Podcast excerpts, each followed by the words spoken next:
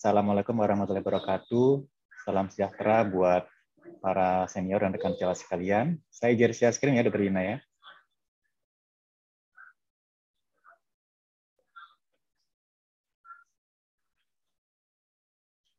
Ya, rekan-rekan sejawat sekalian, pada kesempatan di siang hari ini saya mendapatkan tugas dari panitia. Sebenarnya terima kasih yang dari panitia telah mengajak untuk sedikit sharing mengenai update terkini pengelolaan obesitas khususnya mengenai farmakoterapi. Tapi yang saya akan saya sampaikan pada kesempatan siang hari ini tidak hanya di pemberian farmakoterapi, tapi pentingnya step-step awal untuk menuju kepada pemilihan farmakoterapi yang perlu kita berikan atau tidak. Kalau kita lihat dari obesitas, saya rasa teman-teman sudah tahu ya bahwa prevalensi obesitas di dunia terus meningkat, dan ini memberikan dampak perekonomian yang besar, baik itu secara langsung maupun tidak langsung. Kurang lebih sekitar 3% dari produk domestik bruto di secara global maupun di Indonesia itu merupakan dampak dari obesitas. Jadi dampak dari obesitas cukup besar, sekitar 3% dari produk domestik bruto, atau sekitar 2 triliun dolar untuk global, di Indonesia kurang lebih estimasinya sekitar 369 triliun. Kalau kita lihat dari data Riskesdas dari tahun ke tahun, walaupun kita semua bertujuan untuk mempertahankan angka obesitas tidak naik, tapi yang terjadi adalah sebaliknya. Kita lihat angka overweight dan obesitas itu terus naik dan terakhir mencapai 21,8 persen. Overweight mencapai 13,6 persen. Tapi teman-teman perlu ketahui bahwa angka ini sebenarnya menggunakan nilai titik potong yang sedikit berbeda. Karena Kementerian Kesehatan mengeluarkan nilai titik potong 27. Sedangkan kalau dari WHO Asia Pasifik untuk Asia, kita menggunakan nilai titik potong adalah di atas 25. Jadi kalau kita menggunakan nilai titik potong 25 untuk obesitas, maka kita lihat angka obesitas terus naik dari 19,1 persen mencapai lebih dari 30 persen pada 2018. Artinya lebih dari sepertiga penduduk dewasa di Indonesia mengalami obesitas. Nah, angka ini sejalan. Kalau kita lihat di virtual background yang dipakai semua pembicara, itu lihat mengukur lingkar perut. Lingkar perut itu diukur untuk mengukur adanya obesitas sentral atau penumpukan lemak tubuh di daerah sentral atau daerah visceral. Ini kita lihat angkanya sama, jalan dengan peningkatan obesitas secara umum yang menggunakan nilai titik potong 25 kita lihat pada 2018 kurang lebih sepertiga atau satu dari tiga penduduk dewasa di Indonesia mengalami obesitas sentral. Jadi masalahnya cukup besar. Nah, overweight atau obesitas ini sebenarnya didefinisikan sebagai kelebihan dari lemak tubuh. Kelebihan dari lemak tubuh yang meningkatkan risiko gangguan terhadap kesehatan.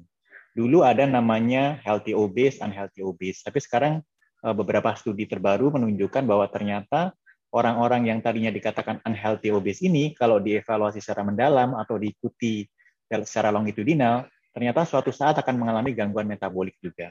Jadi sekarang obesity atau overweight ini merupakan ancaman terhadap gangguan kesehatan. Nah, kalau kita lihat dari patofisiologinya, saya rasa sudah dibahas oleh pembicara-pembicara di sesi sebelumnya. Jadi intinya adalah kenaikan dari massa lemak ini yang disebabkan oleh berbagai faktor baik itu asupan kalori yang berlebih, kurang aktivitas fisik, faktor genetik, dan lain sebagainya, menyebabkan terjadi hiperplasi dan hipertrofi dari adipus tisu, yang kemudian merangsang terjadinya nekrosis dan akan merangsang terjadinya proses inflamasi. Proses inflamasi di jaringan adipus tisu ini akan mengalami spillover ke sistemik, yang akan merangsang adanya inflamasi kronik derajat ringan dan juga merangsang terjadinya suatu kondisi resistensi insulin, di mana kondisi resistensi insulin ini di kemudian hari akan menyebabkan berbagai macam kelainan baik itu kardiak vaskuler maupun kelainan metabolik. Kita lihat sini misalkan resistensi insulin dapat menyebabkan berbagai macam baik itu PCOS yang mana sudah dibahas, disfungsi endotel, DM tipe 2, hipertensi, dislipidemia dan lain sebagainya. Selain terkait dengan ini, maka resistensi insulin ini juga merupakan salah satu faktor risiko untuk terjadinya diabetes, kardiovaskular disease, dan juga terjadinya kanker selain faktor imunologi, faktor mekanik juga mempengaruhi. Misalkan berat badan yang berlebih menyebabkan kerusakan-kerusakan eh, di sendi, gangguan dari proses ventilasi, dan lain sebagainya. Nah, selain dampaknya terhadap kardiovaskuler, kemarin dari sesi pertama, Dr. Robert Sinto sudah menjelaskan bahwa obesitas juga dapat mempengaruhi respon terhadap infeksi. Di pandemi ini COVID-19 kita tahu bahwa obesitas meningkatkan uh, keluaran buruk dari COVID-19. Pasien-pasien obesitas memiliki risiko lebih tinggi untuk mengalami kematian, lebih tinggi untuk dirawat di ICU. Nah, sekarang kita masuk dalam pengelolaan pasien dengan obesitas. Teman-teman kalau mau baca secara detail boleh baca di uh, panduan dari American Association College of Endocrinology. Di sana dibahas secara in-depth bagaimana pendekatan diagnostik dan tata laksana pasien dengan obesitas. Ditulis dengan sangat detail. Nah, kalau kita lihat sebenarnya sebenarnya ada tiga step utama dalam pengelolaan obesitas. Pertama adalah pastikan diagnosisnya, kedua adalah stratifikasi risiko, dan ketiga kita masuk ke dalam pengelolaannya termasuk dalam hal itu adalah farmakoterapi. Nah, kita lihat satu persatu. Pertama, diagnosis. Tentu saja kalau kita mau tahu dia ada obesitas atau tidak, kita perlu lakukan screening. Screeningnya apa? Screeningnya bisa dengan indeks massa tubuh. Kalau dia di atas 25, kita bilang obesitas. Atau di atas 23, kita bilang mengalami overweight. Masing-masing etnisitas berbeda. Kemudian yang kedua adalah mencari adanya komplikasi yang terkait obesitas yang mungkin dapat kita kendalikan komplikasi tersebut kalau pasien kita turunkan berat badannya. Jadi dua, tidak hanya melulu mencari obesitas, tapi juga mencari kelainan lain yang kemungkinan terkait dengan masalah obesitasnya. Nah, selain itu, kita juga harus melakukan pemeriksaan yang mendalam. Pertama, riwayat penyakitnya, pemeriksaan fisiknya, laboratorium tesnya harus kita lakukan. Kemudian kan kita evaluasi komplikasi-komplikasi terkait dengan obesitas. Ada kuesionernya, teman-teman bisa pakai. Apa sih kemungkinan kelainan-kelainan apa yang terjadi pada obesitas? Nah, itu harus direview secara mendalam dari awal. Supaya kita bisa tahu pasien ini ada komplikasinya apa, jadi bisa kita terapi sesuai dengan yang ada komplikasinya pada pasien tersebut. Kemudian kita lihat juga riwayat obesitasnya, pernah nggak dulu dia berat badannya naik, kemudian turun, dan lain sebagainya. Jadi intinya pengelolaan pengevaluasinya harus dilakukan secara mendalam, baik itu dari anamnesis, pemeriksaan fisik, maupun pemeriksaan penunjang. Bisa dengan pemeriksaan laboratorium, atau kalau perlu dilakukan pemeriksaan radiologi. Nah ini contohnya. Kalau kita ketemu pasien dengan obesitas, kita harus cari kemungkinan-kemungkinan penyakit atau komplikasi terkait dari kelebihan dari berat badan tersebut. Sebaliknya, kalau kita ketemu penyakit-penyakit seperti ini, kita harus cari juga pasiennya ada obesitas atau tidak. Jadi dua arah. Pasien bisa datang dengan obesitas, pasien mungkin datang ke teman-teman sekalian, ke rekan sejawat sekalian dengan prediabetes. Mungkin datang dengan kolesterol tinggi dari MCU, mungkin datang dengan hipertensi, mungkin datang dengan gangguan kesuburan, mungkin datang dengan gangguan sendi lutut, osteoartritis, mungkin datang dengan GERD misalkan, atau datang dengan depresi. Nah, penyakit-penyakit ini, baik itu penyakit kardiometabolik maupun terkait dengan fertilitas, terkait gangguan sendi, terkait gangguan saluran cerna, terkait gangguan dari gangguan mental ini, perlu dievaluasi. Ada tidak? Dan kalau teman-teman ketemu pasien dengan ini, evaluasi juga. Pasien ada obesitas atau tidak. Jadi evaluasinya adalah dua arah. Nah, ini checklist yang teman-teman harus cari, baik itu dari anamnesis, pemeriksaan fisik, maupun kalau perlu dilakukan pemeriksaan penunjang. Komplikasi metabolik, apa yang paling sering? Prediabetes, DM tipe 2, sindroma metabolik, atau fatty liver, atau perlemakan di hati. Komplikasi kardiovaskuler, misalkan adanya dislipidemia, hipertensi, maupun penyakit jantung. Kemudian gangguan mekanik atau hormonal atau organ spesifik lainnya, Misalkan PCOS yang sudah dibahas, ada bisa ada pasien disfungsi ereksi atau hipogonadisme pada laki-laki, bisa ada OSA atau sleep apnea, bisa ada asma, osteoartritis, stress incontinence urinary atau GERD, atau komplikasi psikologis, misalkan depresi, ansietas, dan lain sebagainya. Nah, ini harus dicari secara sistematik. Jadi tidak semata-mata kita hanya lihat berat badannya, kita hanya lihat tingkat perutnya, kita harus cari komplikasi metabolik, kardiovaskuler, hormonal, dan mekanikal. Maupun jangan lupa adalah psikologikal perlu kita evaluasi. Nah, apa yang harus kita evaluasi? Nah, kalau pasien dengan obesitas, memang pemeriksaannya kalau kita mau lengkap, memang idealnya harus dilakukan pemeriksaan yang cukup in-depth. Misalkan untuk prediabetes, itu ya kita harus lakukan tes toleransi glukosa oral misalkan, atau pemeriksaan HbA1c. Untuk dislipidemia, kita harus periksa profil lipidnya. Untuk DM tipe 2 sama dengan prediabetes, kita periksa lakukan TTGO dan HbA1c. Hipertensi kita periksa tekanan darahnya, kardiovaskular kita periksa, untuk fatty liver kita mungkin perlu periksa fungsi hati pasien, setidaknya SGPT, atau kalau perlu fungsi hati yang lain yang lebih lengkap. Kemudian yang lain, misalkan asma, OSA, GERD, itu harus kita tanya secara anamnesis. Dan kalau perlu, memang kita lakukan pemeriksaan tambahan. Perlu nggak pasien dilakukan misalkan foto genu, misalkan untuk mencari osteoartritis. Dan ini memang penting sekali dilakukan, karena ini nanti terkait dengan langkah terapi yang akan kita berikan. Jadi setelah kita periksa, tadi kita masuk pasien obesitas atau tidak, kita periksa klinisnya, ada komplikasi atau penyakit terkait kenaikan berat badan atau tidak, kita klasifikasi. Ada komplikasi atau tidak. Kalau ada komplikasi yang ringan atau sedang, cuma satu atau dua, dia masuknya stadium satu, stage satu. Kalau dia satu komplikasi yang berat atau lebih dari satu, sehingga perlu terapi agresif, dia masuk stage-nya stage 2.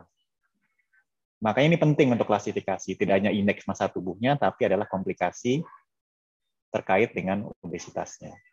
Macam-macam. ACE menggunakan komplik menggunakan seperti ini. Di Kanada, di guidelines yang terbaru 2020, mereka menggunakan Edmonton Obesity Staging System, EOS. Ini ada klasifikasinya. Ada yang mild, moderate, atau severe. Ini tergantung dari komplikasi kardiometaboliknya. Ada stage 0, 1, 2, 3, 4. Yang CMIG yang baru bahkan mereka menggunakan 4 stadium. Ini di panduan eh, Kanada yang paling baru. Stage 0 nggak ada komplikasi yang kita bilang dalam tanda kutip adalah healthy obese. Kemudian stage 1 adalah uh, ada faktor risiko yang subklinis. Nah, kalau stage 0, stage 1 ini cukup di layanan primer, tidak perlu dirujuk ke layanan sekunder. Karena biasanya pada umumnya cukup dengan pendekatan modifikasi gaya hidup dan edukasi. Tapi kalau masuk dah stage 2, stage 3, stage 4, memang perlu tim medis yang lebih lengkap. Karena pada umumnya pasien sudah mengalami gangguan kesehatan yang moderate, stage 3 ada signifikan, stage 4 sudah severe. Jadi ini perlu kita kelola sesuai dengan stadium atau stage dari obesitasnya. Nah ini AAC kembali lagi. Tadi AAC menggunakan stage 0, 1, 2. Nah ini sebenarnya menentukan apa? Menentukan terapinya apa? Apakah dia prevensi primer, sekunder, atau tersier. Nah, ini IMT-nya masih menggunakan IMT dari orang Kaukasia. Kalau kita pakai Indonesia, mungkin kita pakai speknya dengan ini. Kalau dia overweight dengan adanya satu atau dua, mungkin masuk ke tersier langsung. Kalau dia dua atau lebih severe, langsung masuk ke tersier juga. Tapi kalau tidak ada, dia masuk ke pencegahan sekunder. Apa sih pencegahan primer sekunder itu? Kalau primer itu sebenarnya goalnya adalah menurunkan insiden obesitas. Ini pada pasien resiko tinggi untuk obesitas, kita turunkan resikonya. Ini pasti di layanan primer nih. Yang sekunder prevensi adalah mencegah progresivitas menjadi obes pada pasien dengan overweight. Atau mencegah terjadinya komplikasi kardiometabolik maupun hormonal. Itu pencegahan sekunder. Jadi belum ada komplikasi. Nah, kalau sudah ada komplikasi, ya tujuannya tergantung dengan klinis pasiennya. Kalau pasien dengan metabolic syndrome, ya tujuannya mencegah terjadinya DM atau komplikasi kardiovaskuler. Kalau pasien dengan hipertensi, yang tujuannya clinical goals-nya adalah menurunkan tekanan darah. Kalau dengan female infertility, ya tujuannya pasien bisa ovulasi atau bahkan bisa punya anak, misalkan. Ya, jadi target-target clinical goal-nya untuk pasien-pasien obesitas itu berbeda, tergantung dari stadium obesitasnya, ada komplikasi atau tidak. Dan karakteristik komplikasi yang ada di masing-masing pasien ini tergantung juga mempengaruhi target klinis apa yang mau kita capai. Gitu. Nah, ini ada juga bukti ilmiah terkait jadi seberapa besar sih kita harus turunkan berat badannya supaya bisa menurunkan resiko terjadinya DM, menurunkan resiko kardiovaskuler, supaya pasiennya bisa uh, fertil lagi. Rata-rata antara 5 sampai 10 persen dalam 3 sampai 6 bulan ke depan diharapkan bisa diturunkan supaya mencapai target klinisnya. Target klinisnya apa? Ini yang akan kita capai. Nah, di ACE ditambahkan lagi, karena kebanyakan pasien obesitas itu meninggalnya karena kardiovaskuler, ini ada target-targetnya, misalkan berat badan antara 5 sampai 10 persen dalam 5 dalam 3 sampai 6 bulan. Atau jangan sampai naik deh berat badannya. LDL ini kita lihat nanti ada konsensusnya sendiri di slipidemia. Targetnya macam-macam tergantung pasiennya masuk resiko kardiovaskularnya yang mana, apakah dia very high risk, high risk atau low risk. Ini berat tekanan darahnya, ini gula darahnya, dan kalau perlu bahkan diberikan antiplatelet kalau memang pasiennya risiko tinggi untuk mengalami kardiovaskuler. Jadi kita lihat bahwa terapi obesitas itu tidak semata-mata menurunkan berat badan, tapi juga mengatasi faktor risiko untuk terjadi komplikasi kardiovaskuler di kemudian hari. Dan juga beberapa hal yang lain terkait dengan karakteristik pasien tersebut. Jadi tadi kita lakukan obesitas screening, kemudian clinical diagnosis untuk stratifikasi, kita tentukan treatment goals-nya apa. Yang tadi sesuai dengan klinis pasiennya. Baru kita memilih mau pakai terapi yang mana. Nah, ini kita lihat di sini. Kalau dia masuk stage 0 sampai stage 0 ya, tidak ada komplikasi, mungkin cukup dilakukan modifikasi gaya hidup. Isinya apa aja? Pengaturan pola makan, pengaturan aktivitas fisik, dan intervensi behavioral atau perilaku. Besok akan dijelaskan di sesi yang selanjutnya. Kalau perlu dapat dipertimbangkan kalau memang tidak menurun berat badannya dengan agresif lifestyle intervention. Tapi kalau sudah ada komplikasi, kita dapat pertimbangkan pemberian obat-obatan secara concurrent. Bisa step by step, coba lifestyle dulu nggak bagus baru pakai obat atau bisa concurrent. Terutama yang sudah stage 2 gitu, yang tersier mungkin dari awal sudah harus dimulai pemberian obat-obatan untuk obesitasnya. Atau kalau bahkan perlu dipertimbangkan untuk operasi, terapi operasi bariatrik misalkan. Jadi teman-teman penting untuk melihat stratifikasi risiko dari pasien-pasien obesitas tersebut. Jadi intinya adalah ini sama. Jadi kapan kita mulai pengobatan? Pertama tetap lifestyle dulu. Ada meal planning, physical activity, sama behavioral. Kalau memang tidak ada respons, baru kita lanjut ke weight loss medication sebagai tambahan terhadap terapi lifestyle. Jadi bukan sendiri cuma medikasi penurunan berat badan, tapi harus on top of lifestyle terapi. Ini juga kita lihat kalau mild to moderate, kita pindah ke sini. Tapi kalau memang dia sudah ada komplikasi, kita boleh paralel kita berikan terapi medikamentosa yang dapat menurunkan berat badan. Nah, sekarang mau pilih yang mana nih? Nah, ini ada dua hal yang penting. Pertama adalah individualisasi terapi. Kemudian yang paling penting adalah yang kedua. Jadi obat yang sudah di-approve oleh FDA yang dapat menurunkan resiko dari uh, obesitas dan dapat dilakukan diterima untuk jangka panjang. Jadi aman, jangka panjang secara jangka panjang dia aman. Itu penting sekali. Nah kita lihat. Nah untuk memilih pengobatan itu sebenarnya nggak gampang. Karena teman-teman harus tahu dulu pasiennya komorbidnya apa. Ada nggak DM? Ada nggak hipertensi? Ada nggak penyakit CVD? Ada nggak CKD? Ada nggak nefrolitiasis misalkan? Ada gangguan fungsi hati atau tidak? Karena obat-obatan itu dapat mempengaruhi fungsi-fungsi dari organ yang ada. Misalkan teman-teman pakai golongan simpatomimetik. Kalau dia ada hipertensi, bisa memperberat hipertensinya. Kalau pasiennya ada hipertiroid, memperberat hipertiroidnya, misalkan keluhannya atau misalkan terkait dengan gangguan psikologis. Beberapa obat memperberat keluhan psikologis pasien. Beberapa obat meningkatkan risiko pankreatitis, misalkan penggunaan GLT-1 agonis misalkan. Atau meningkatkan risiko medullary thyroid carcinoma misalkan. Nah ini penting sekali untuk mengetahui komorbid pasien sebelum teman-teman memilih memberikan pengobatan. Nah, kalau pengobatan ini memang tergantung dari cara kerjanya yang di mana sebagian besar obat memang di pekerja sentral menurunkan uh, nafsu makan. Ada fentermin, lorcaserin, naltrexone bupropion, GLP-1 analog, dan lain sebagainya, banyak sekali ya. Yang di saluran cerna yang bekerja di perifer ada orlistat, yang menekan uh, hepatic gluconeogenesis ada GLP-1, memperlambat pengosongan lambung ada GLP-1, ada juga sekarang masuk SGLT2 inhibitor, walaupun masih off label ya, yang karena ada efek menurunkan uh, berat badan. Ini beberapa studi. Ini uh, terapi yang sudah di-approve oleh FDA. Ada Orlistat, ada Ventermin topiramat, Lorcaserin, Naltrexone bupropion, dan liraglutide. Dan baru ini tahun baru tahun ini di-approve semaglutide yang obat yang baru. Tapi pada tahun yang lalu juga Lorcaserin ini dicabut izinnya untuk obesitas karena meningkatkan resiko cancer. Ini kita lihat dosis-dosisnya, rata-rata penurunan berat badannya berapa. Nah, ini yang bisa kita pilih. Cuma sayangnya di Indonesia tidak semua ada ya. Mungkin yang paling banyak adalah Orlistat, kita punya liraglutide, tapi untuk badan POM kita belum di-approve untuk obesitas, semaglutide dan dalam proses.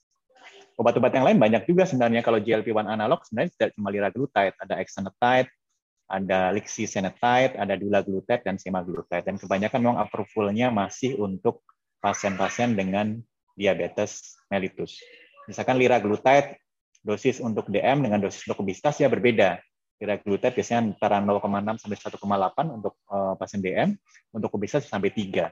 Ini ke sampingnya juga nggak enak sekali, pasien-pasien rasanya mengeluh uh, mual yang cukup hebat. Yang lain misalkan SGLT2, walaupun belum dipakai di obesitas, sekarang banyak studi untuk melihat karena dia ada efeknya menurunkan berat badan. Tapi sekarang belum di-approve untuk obesitas, lebih banyak dipakai untuk DM, dan juga pasien-pasien dengan gagal jantung dan pasien-pasien dengan CKD. Tapi ini penting juga kalau kita ngobatin pasien dengan diabetes, dengan obesitas, mungkin kita bila pilih obat-obat yang dapat menurunkan berat badan. Dua yang dapat menurunkan yaitu misalkan SGLT2 inhibitor dan juga GLP-1 reseptor uh, analog. Jadi kalau kita memilih farmakoterapi obesitas itu sebenarnya banyak sekali di pasaran yang teman-teman pakai obatnya ya, yang off label misalkan metformin, walaupun tidak ada studi jangka panjang dapat menurunkan berat badan. Kalaupun turun rata-rata mal. Ada yang menggunakan uh, antidepresan, ada yang pakai bupropion untuk ketergantungan nikotin ya. Kemudian yang menggunakan efedrin kafein, ada menggunakan obat-obat yang lain yang ini. Ini okreotide pada pasien dengan kelainan sentral biasanya karena kelainan ada tumor uh, di hipofisis. Tapi ini sebenarnya off label karena tidak ada bukti yang kuat dapat dipakai jangka panjang dan cukup aman. Yang sebaiknya tidak pakai ini sering kali digunakan untuk di teman-teman di Indonesia masih sering pakai ya beberapa dokter ya menggunakan levotiroxin misalkan. Jadi sebenarnya tidak boleh digunakan karena efek jangka panjangnya berbahaya buat pasien. Saya beberapa kali ketemu pasien datang dengan keluhan hipertiroidisme untuk level fungsi tiroid, ternyata di anamnesis pasien hipertiroidnya karena iatrogenik gitu, karena diberikan hormon tiroid untuk penurunan uh, berat badan. Yang sudah di-approve FDA, nah kita pisah jadi dua. Ada obat jangka panjang, ada obat jangka pendek jangka panjang ini lebih sering kita pakai karena rata-rata obesitas kan terapinya jangka panjang ya. Ini ada fentermin topiramat, ada bupropion naltrexone kombinasi, orlistat ini cukup banyak dipakai, kemudian GLP-1 agonis. Kita dari raglutide tapi belum di-approve oleh Badan POM Indonesia untuk obesitas. Kita masih nunggu uh, Saxenda masuk, kemudian semaglutide ini sebentar lagi akan masuk. Tapi kita tunggu apakah sudah di-approve untuk uh, obesitas atau masih hanya untuk diabetes. Ini ada untuk kelainan uh, bawaan ada setmelanotide, tapi saya rasa dipakai ya. Untuk short term bisa gunakan obat-obatan ini yang banyak dipakai di Indonesia adalah dietil uh, propion ini menekan nafsu makan. Tapi ini nggak boleh jangka panjang ya, cuma jangka pendek 8 sampai 12 minggu. Jadi intinya kalau pengobatan diabetes itu ini di uh, Kanada Journal yang baru ya 2020 ada 5A. Pertama, ask the patient, assess, advise, agree, dan assist kita tanya dulu pasiennya, mau nggak kita evaluasi berat badannya untuk kita turunkan. Kemudian assess, assess riwayatnya, assess klinisnya. Baru kita advice on management. Jadi sebelum advice on management, assess dulu. Pasien maunya apa, dan klinisnya apa komorbid yang lain. Baru kita berikan, bisa lifestyle, bisa pengobatan, kalau perlu pediatric surgery. Dan yang penting lagi adalah agree on goals goals-nya tidak semata-mata menurunkan berat badan, tapi juga tadi ada clinical goals ya. Kalau ada hipertensi kita turunkan sampai sekian, kalau ada DM kita turunkan sampai sekian, dan lain sebagainya. Dan yang kelima adalah assist. Harus kita bantu. Karena pada umumnya pengobatan diabetes, pengelolaan itu sifatnya adalah jangka panjang. Jadi sebagai simpulan, sebenarnya mengobati diabetes itu simple. Cuma ada tiga hal yang teman-teman harus pegang. Pertama, diagnosis. Kedua, sertifikasi risiko. Ketiga, pengelolaan. Nah, diagnosis ini harus lengkap evaluasi antropometrinya dan juga klinisnya. Ada nggak komplikasi-komplikasi terkait dengan kelebihan berat badan? Kenapa ini penting? Karena penting untuk step berikutnya. Teman-teman harus lakukan stratifikasi risiko. Derajat obesitasnya berapa, dan kemudian komplikasinya. Apakah ada komplikasi yang menengah atau moderate, itu menurunkan stadium dari obesitasnya tadi, risikonya baru teman-teman tentukan pengelolaan. Dan pengelolaan ini harus didiskusikan dengan pasien juga karena sifatnya adalah individualisasi. Ingat yang penting pertama adalah modifikasi gaya hidup. meal planning itu paling penting, kedua aktivitas fisik, ketiga adalah behavioral. Nah, kalau perlu, baru kita berikan farmakoterapi. Karena sifatnya jangka panjang, saya nitip pesan tolong pilih obat-obatan yang secara jangka panjang sudah terbukti keamanannya. Karena kita ngobatin obesitas itu kan bukan untuk menurunkan berat badan, kita ngobatin obesitas itu supaya pasien jangan sampai jatuh ke dalam komplikasi kardiometabolik sehingga pasien kualitas hidupnya menurun. Jadi ingat, long term safety-nya harus diperhatikan. Kalau perlu kita bisa lakukan operasi. Oleh karena itu pendekatan obesitas itu memang nggak bisa sendiri-sendiri. Harus lakukan pendekatan multidisiplin.